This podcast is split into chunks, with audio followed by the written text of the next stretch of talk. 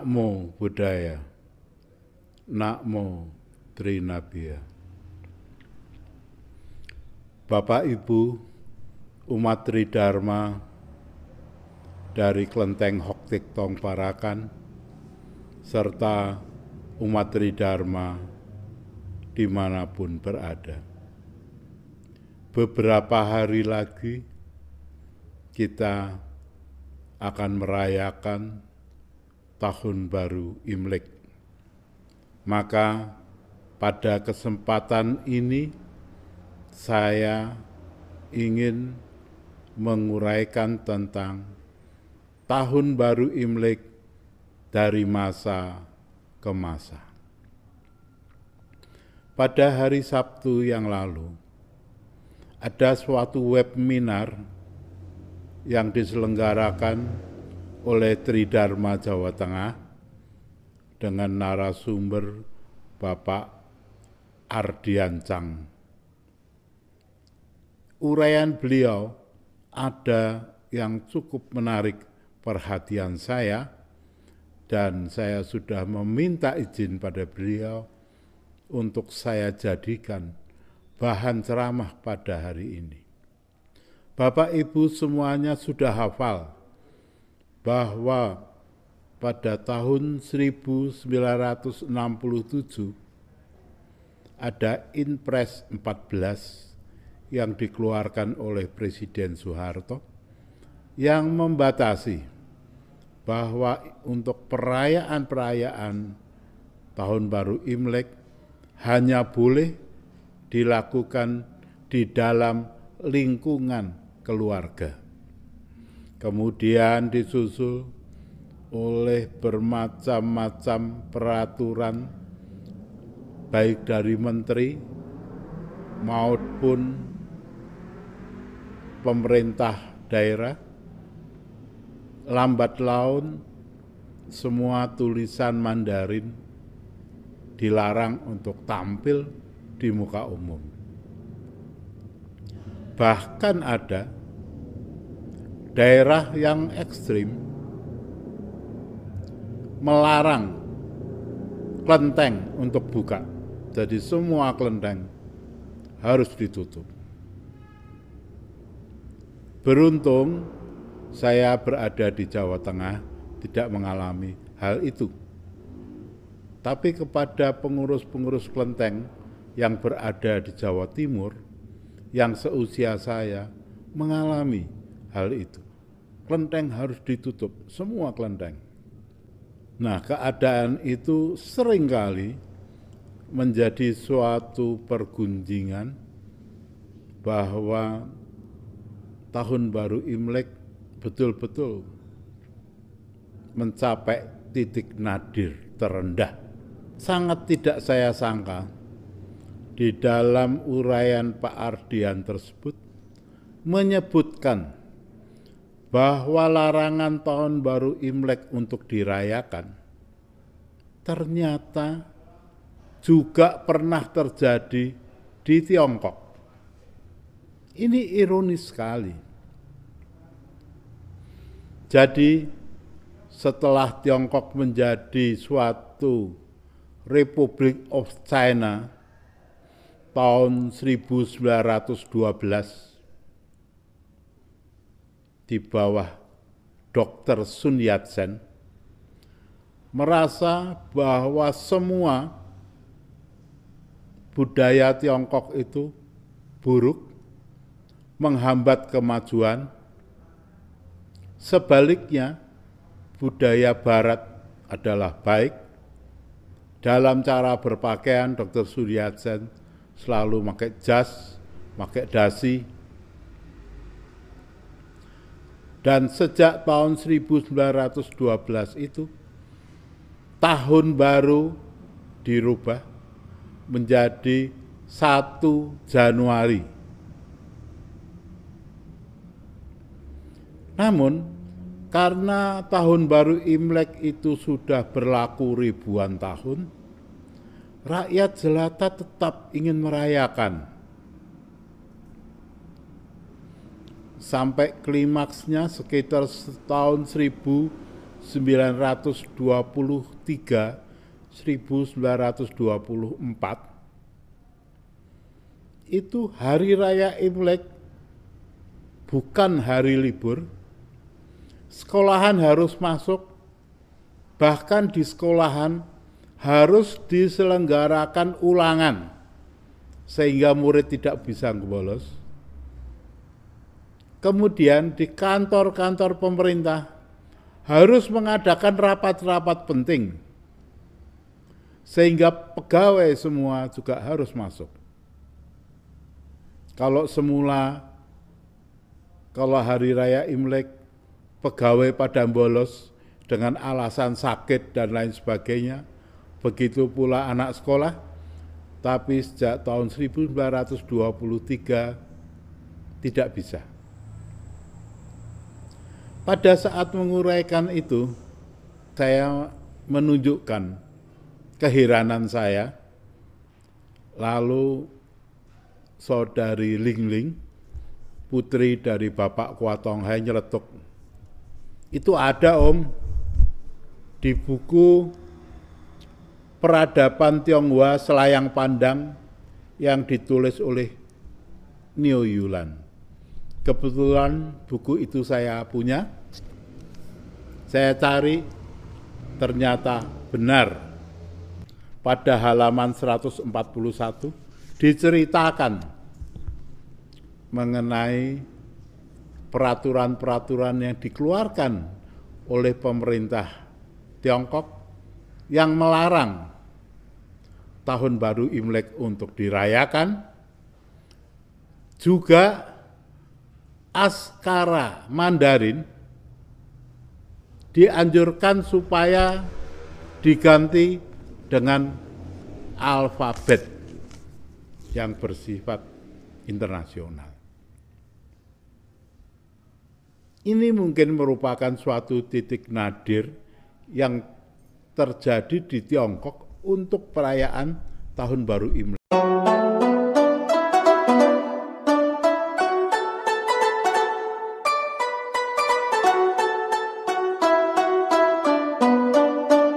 Padahal Tahun Baru Imlek tidak hanya dirayakan di Tiongkok, tapi juga dirayakan di negara-negara di Asia Tenggara, kemudian juga di Hong Kong, di Korea, di Jepang, dan lain sebagainya. Di Vietnam, sehingga setelah tahu kejadian itu, kita bisa menimbang bahwa sesungguhnya yang terjadi di Indonesia pada tahun 1967 dan setelahnya itu tidak parah-parah amat. Karena tahun baru Imlek masih boleh dirayakan hanya di dalam lingkungan keluarga yang tidak terlihat oleh umum. Pada tahun 1998 terjadi suatu pergantian pemerintahan dari Presiden Soeharto ke Presiden Habibie mulai terbuka sedikit celah di mana diskriminasi diperlunak dengan pertama kali dikeluarkan istilah pribumi dan non pribumi supaya tidak dipakai lagi. Jadi dianggap untuk etnis Tionghoa adalah juga pribumi Indonesia. Kemudian disusul dengan pergantian pemerintahan lagi. Nah, di saat Kiai Haji Abdurrahman Wahid sebagai presiden, di situlah mengeluarkan peraturan nomor 6 tahun 2000 yang mencabut Inpres 14 tersebut dan tahun baru Imlek dinyatakan sebagai hari libur fakultatif. Artinya bagi yang merayakan boleh untuk tidak usah masuk kerja atau tidak sekolah. Hari uh, Imlek dinyatakan sebagai fakultatif. Sudah pernah terjadi pada tahun 1946 di mana Menteri Agama pada waktu itu adalah Haji Rasidi mengeluarkan peraturan pemerintah nomor 002 garis miring OEM garis miring 1946 menetapkan hari-hari raya orang Tionghoa itu ada empat, yaitu hari tahun baru Imlek, yang kedua hari wafatnya Nabi Konghucu, yang ketiga hari Bing dan yang keempat hari lahirnya Nabi Konghucu. Jadi pada tahun 1946, empat hari raya Tionghoa ini dinyatakan sebagai hari libur fakultatif kepada yang merayakan boleh untuk tidak masuk kantor.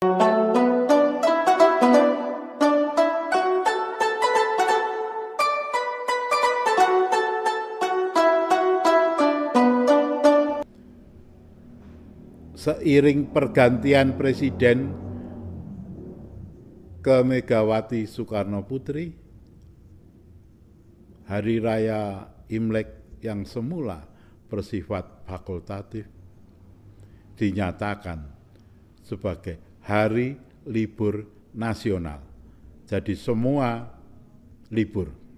Kemudian kita melihat terjadi suatu euforia untuk etnis Tionghoa. Di mana-mana ada kesenian Liong Barongsai. Hari raya Imlek dirayakan, kelenteng-kelenteng diperbaiki, bersolek menjadi lebih indah, dan seterusnya. Puncak dari status tahun baru Imlek justru terjadi pada tahun 2021 ini. Di masa pandemi corona ini, Hari Raya Imlek mencapai puncaknya dengan lobi dari Kementerian Agama di Jakarta berhias suasana Imlek dengan lampion, dengan bunga mehua, dan lain sebagainya. Ini baru pertama kali ini terjadi setelah 75 tahun Indonesia merdeka. Maka saya ingin mengajak kepada semua pihak yang masih merayakan tahun baru Imlek supaya pada tahun ini betul-betul bisa menjadi suatu titik tolak yang baru untuk selalu memperbarui diri. Sebagaimana yang tertulis pada kitab Tehak bab 2 ayat 1 pada tempayan Raja Sindong, Raja Sindong ini adalah pendiri dinasti Sang atau Siang, terukir kalimat bila suatu hari dapat memperbaharui diri, perbaharuilah terus setiap hari dan jagalah agar baharu selama-lamanya. Salah satu ayat dari kitab suci, kitab sucinya orang Konghucu itu, bisa kita jadikan suatu pedoman untuk merubah perilaku kita di dalam merayakan tahun baru Imlek.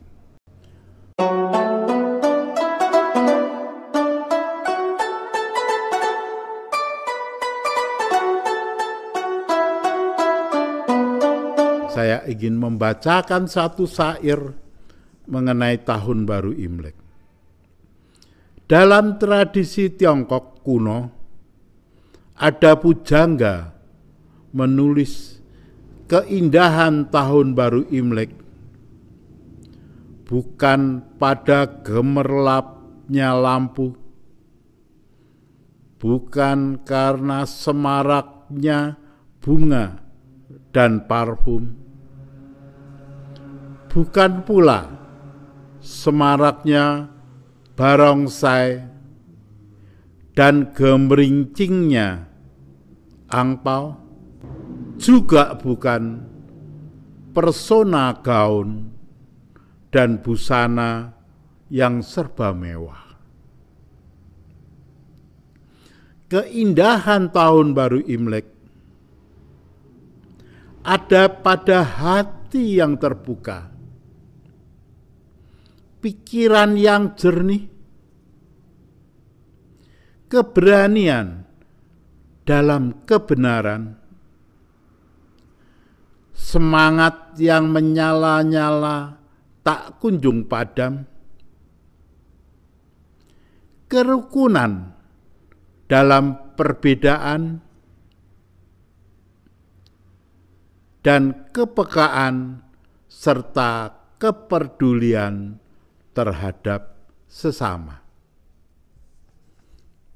Pesan ini saya sampaikan kepada saudara-saudara Tridharma. Semoga di dalam masa pandemi ini cukup kita merayakan Imlek di rumah saja. Kalau mau makanan enak bisa dipesan dengan delivery order Mau foto-foto, bisa rumah kita hias sehingga layak untuk foto-foto. Demikian pula di kelenteng-kelenteng seperti yang terlihat di belakang saya adalah merupakan suatu dekorasi yang setiap umat secara pribadi sembahyang ke kelenteng bisa foto di sini.